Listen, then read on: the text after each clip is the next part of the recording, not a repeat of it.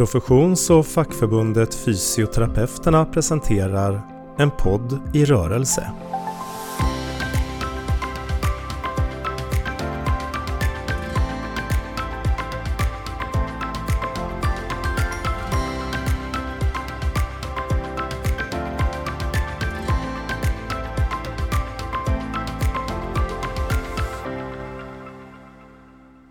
Idag ska vi prata om ledarskap i det här poddavsnittet och då har jag glädjen att eh, här stå och få samtala med Eva Fernvall. Välkommen hit Eva! Tack så mycket! Hur mår du idag? Jag mår bra förutom kanske, eller jag opererade min menisk i förrgår. Så att jag tycker jag är på helt rätt ställe hos fysioterapeuterna. Ja, men jag tänkte säga det, då är det ju, passar det ju bra att du kommer till oss på Och jag vet ju att fysioterapin är ju det som faktiskt kan göra underverk med knäna. Nu var det menisken men även artrosen. Så att jag förlitar mig väldigt mycket på den kunskap som ni besitter. tycker jag var en trevlig ingång i det här avsnittet. Tack för det. Eh, vi har ju känt varandra ganska länge och jag har känt dig som en ledare i svensk hälso och sjukvård eh, under väldigt lång tid. Mm.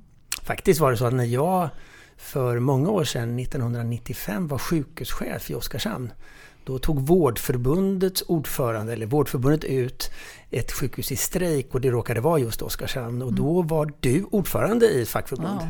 Det var en lång strejk, den var sju veckor lång. Väldigt påfrestande strejk för vården. Eh, vi började i november och slutade först efter nyår. Eh, den var, eh, gav ju som vanligt inte mycket pengar men den gav oss bra texter i avtalen som gjorde att vi kunde jobba vidare.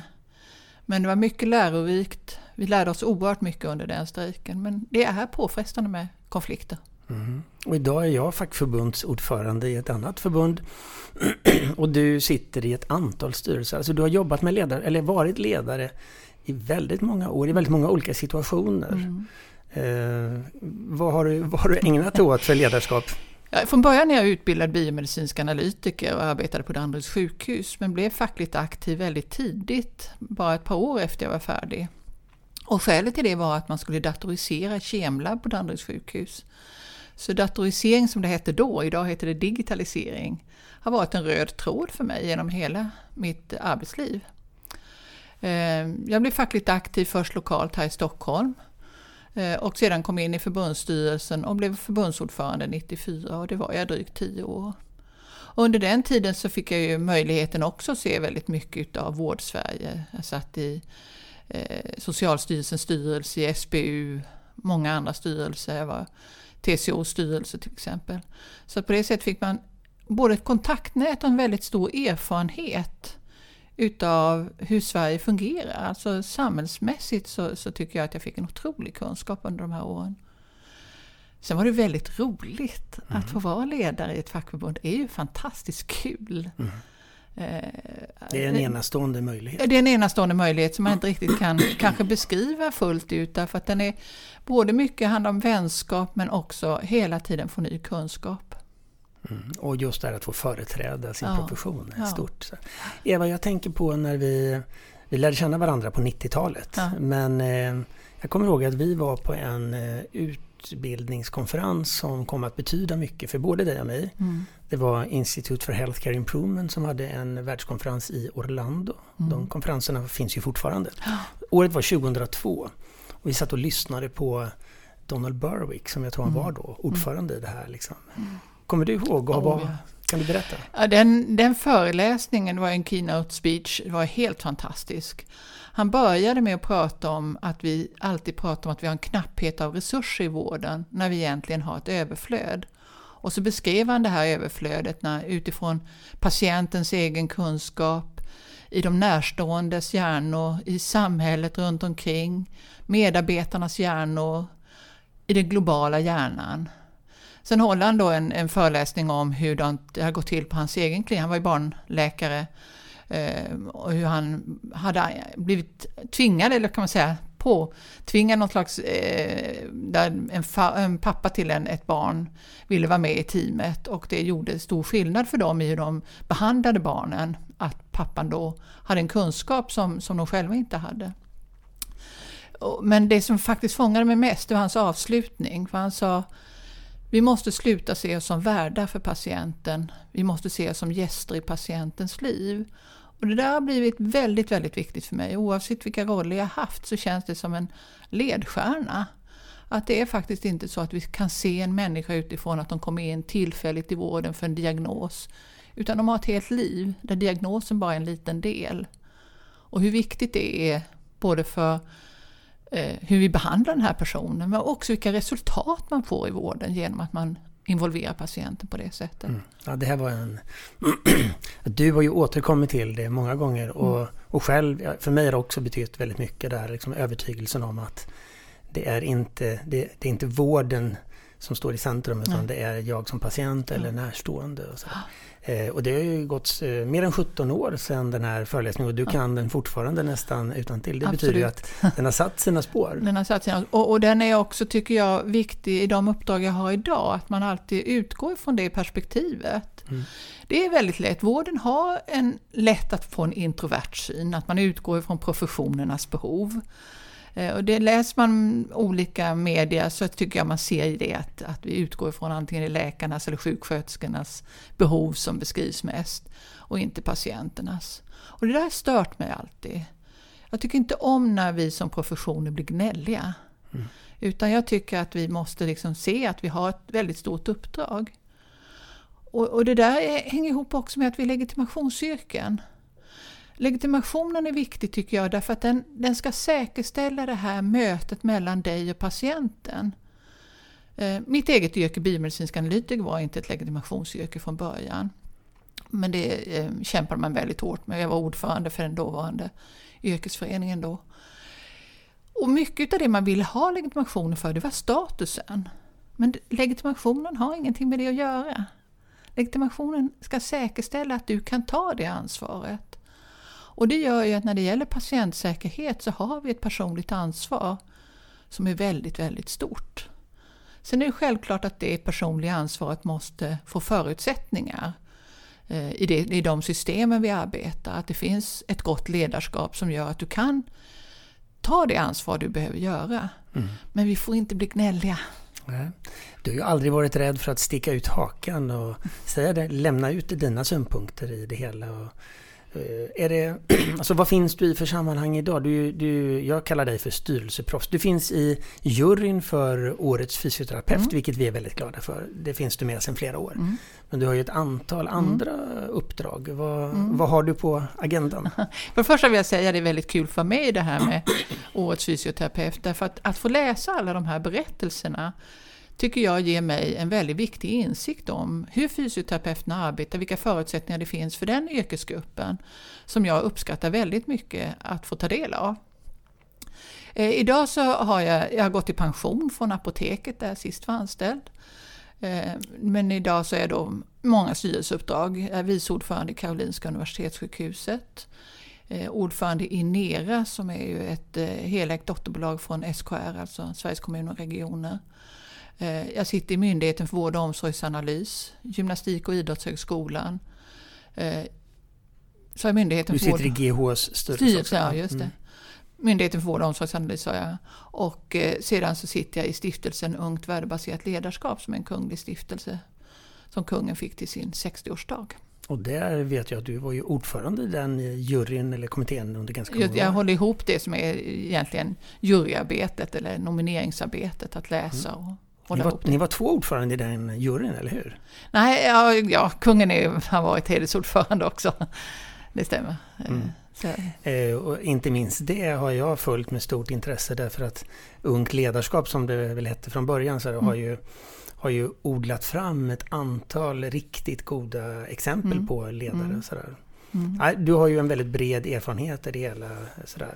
Alltså, har, och du känner att den här händelsen i, i, Orlando 2002 med det här personcentrerade tänket, det har följt dig hela vägen? Ja, och det är jätteviktigt. Myndigheten för vård och omsorgsanalys är byggd väldigt mycket från ett brukar och patientperspektiv. I alla de rapporter som myndigheten ger så måste vi hela tiden se, se vård och omsorg utifrån det perspektivet. Mm. Eh, det arbetet i Karolinska Universitetssjukhuset är oerhört viktigt att man inte glömmer patienten. Där finns ju en, en vision om patienten först och det är mycket som har varit negativt kopplat till Karolinska Universitetssjukhuset Eh, och, och kopplat till de eh, metoder som man har använt för att införa de här delarna. Till viss del med rätta, men jag tycker också ibland att vi kanske glömmer bort att det finns en, en viktig riktning i det här med patienten först, som vi måste fortsätta med. Så därför finns den med där också. Tycker du att ledare överlag i hälso och sjukvården idag har tillräckligt med personcentrering eller fokus på patienten? Det är svårt att vara ledare idag. Mm. Och jag tror att väldigt många får, får uppfattningen eller uppdraget som ledare att det ska handla mycket om att eh, den administrativa delen av ledarskapet, alltså eh, hålla ekonomi, se till att det finns personal, rekryteringsfrågor, allt det här praktiska som finns kopplat till det. Och, men däremot det som kanske handlar mer om strategiskt ledarskap, att, att få vården att utvecklas, att förbättras, att arbeta med både visioner men också hur man tar sig igenom det här, alltså problemlösande ledarskap. Och vad, det är svårt att veta vad det hänger, hur det hänger ihop. Eh, en del är säkert att vården är mer komplex idag. Eh, jag tror också att vi ser eh, att det saknas någon form av systematisk ledarskapsbeskrivning. Att vi inte riktigt har definierat vad, hur ska det här systemet hänga ihop för att, att vi ska få ett gott ledarskap. Det lät som ett komplicerat ord, men du får fortsätta beskriva det. ja, för mig är det kanske eh, det här, alltså om jag ska ta på mig ett ledarskap jag får en visst uppdrag. Hur hänger det uppdraget ihop med nästa nivå? Hur hänger det ihop med helheten i det här mm. uppdraget? Eh, helheten i hela regionen. Vad är det som gör att mitt ledarskap, vad det ska resultera i? Vad finns det för förväntningar på mig? Men också vad kan jag ställa för krav och förväntningar på hela systemet? Och då tycker jag det blir på något vis att man får ett uppdrag och så blir man rätt så ensam med det uppdraget. Eh, Hur ska man möta det? Ja, jag tror att det behövs en bättre definition, en bättre eh, analys utav hur man ska utveckla det här systematiska eller helhetsledarskapet för vården. Så att man själv som ledare också känner sig trygg med att det här, jag, det här är min roll i den helheten. En annan av de personer från IHI som var med 2002, Maureen Bisonano. Mm. Eh, hon blev ju också sen ordförande i IHI. Ja. Hon har ju sagt ungefär så här att det är svårt att ge till andra det som du själv inte har. Ja. Hopp, ja. empati, ja. kraft, energi. Mm. Mm. Så ledare behöver vi också fylla på. Och hur ska vi säkerställa det? Ja, och en del i sånt är att jag, att jag själv känner trygghet i det uppdrag jag fått. Att jag förstår det. Att det finns en transparens för hur det här hänger ihop med, med resten.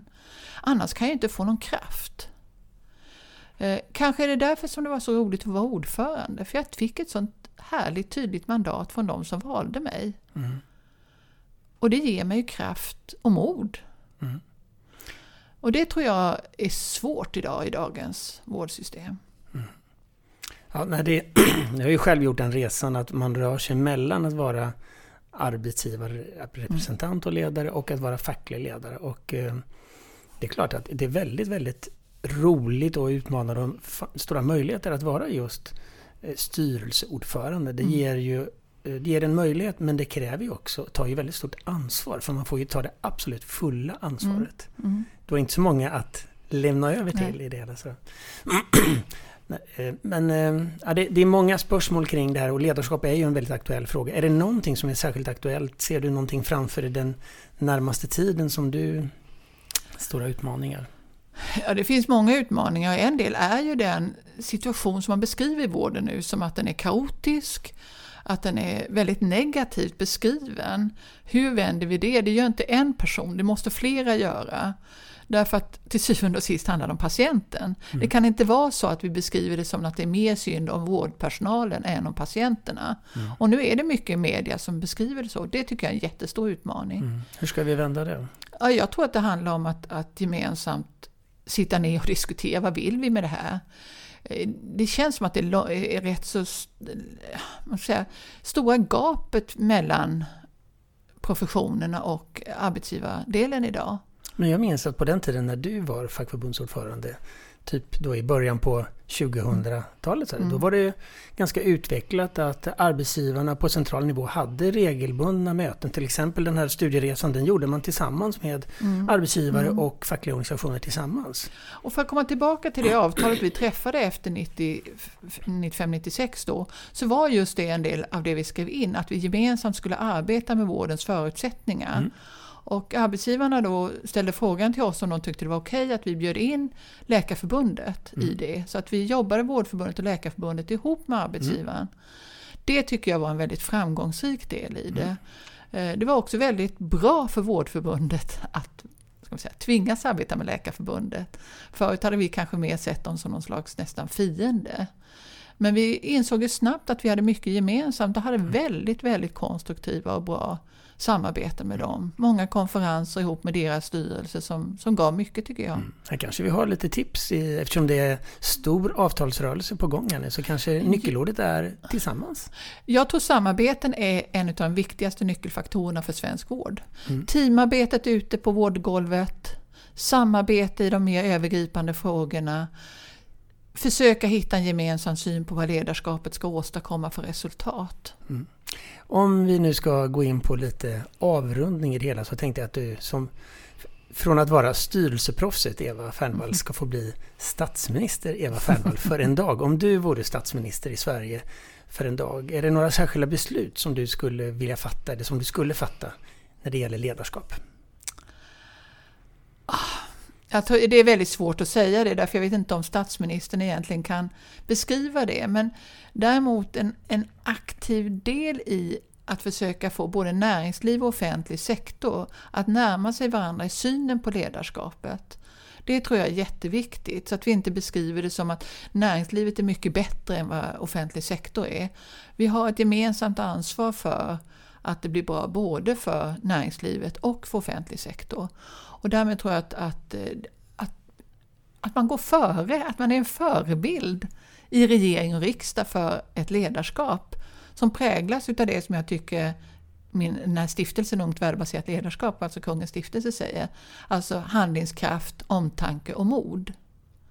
Med de tre orden så skulle jag vilja att man beskriver vad vill vi med svenskt ledarskap. Så där, en passning rakt in i regeringen.